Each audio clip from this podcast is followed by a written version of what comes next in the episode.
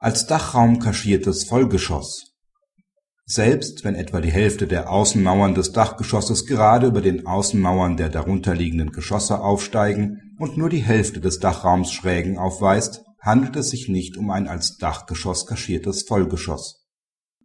Eine Vielzahl von Regelungen des Bauplanungsrechts, verschiedentlich auch des Bauordnungsrechts, nehmen Bezug auf den landesrechtlichen Vollgeschossbegriff so beispielsweise die bauplanungsrechtlichen Regelungen über die Zahl der Vollgeschosse nach § 16 Absatz 2 Nr. 3 Baunutzungsverordnung und die Ermittlung der Geschossflächenzahl nach § 20 Absatz 3 Satz 1 Baunutzungsverordnung beziehungsweise der Baumassenzahl nach § 21 Absatz 2 Baunutzungsverordnung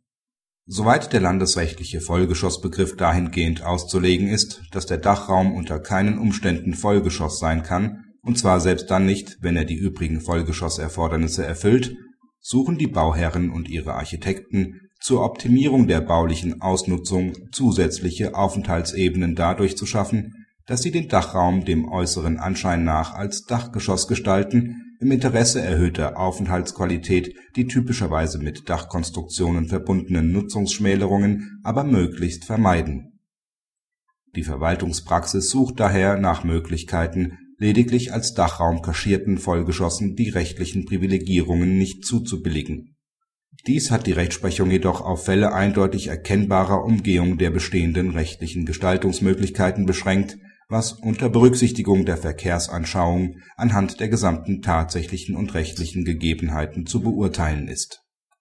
Jedenfalls muss der unter den Dachschrägen liegende Raum noch von der Dachkonstruktion geprägt werden, wobei die Grenze dort zu ziehen ist, wo Teile des Gebäudes nach der Verkehrsanschauung offensichtlich nur dem äußeren Eindruck nach baulich verblendet wurden, um optisch den Eindruck einer Zugehörigkeit zum Dach zu erwecken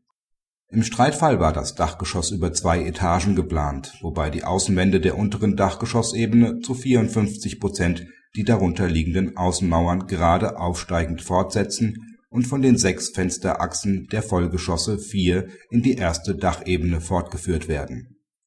Das OVG hat diese Gestaltung nicht als kaschiertes Vollgeschoss, sondern als Dachraum gewertet.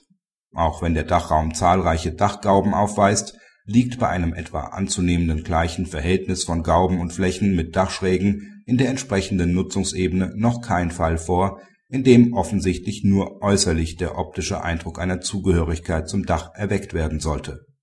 Vielmehr bleibt der unter den Dachschrägen liegende Raum der ersten Nutzungsebene noch von der Dachkonstruktion geprägt. Praxishinweis Soweit die Landesbauordnung nicht spezielle Gestaltungsvorschriften vorsieht kann eine bauträgerfreundliche Optimierung der Nutzflächen durch Gestaltung von Dachgeschossen zumindest soweit erreicht werden, als gerade aufstehende Außenwandfortsetzungen aus den Vollgeschossen in das Dachgeschoss nicht erheblich mehr Raum einnehmen als die Dachschrägen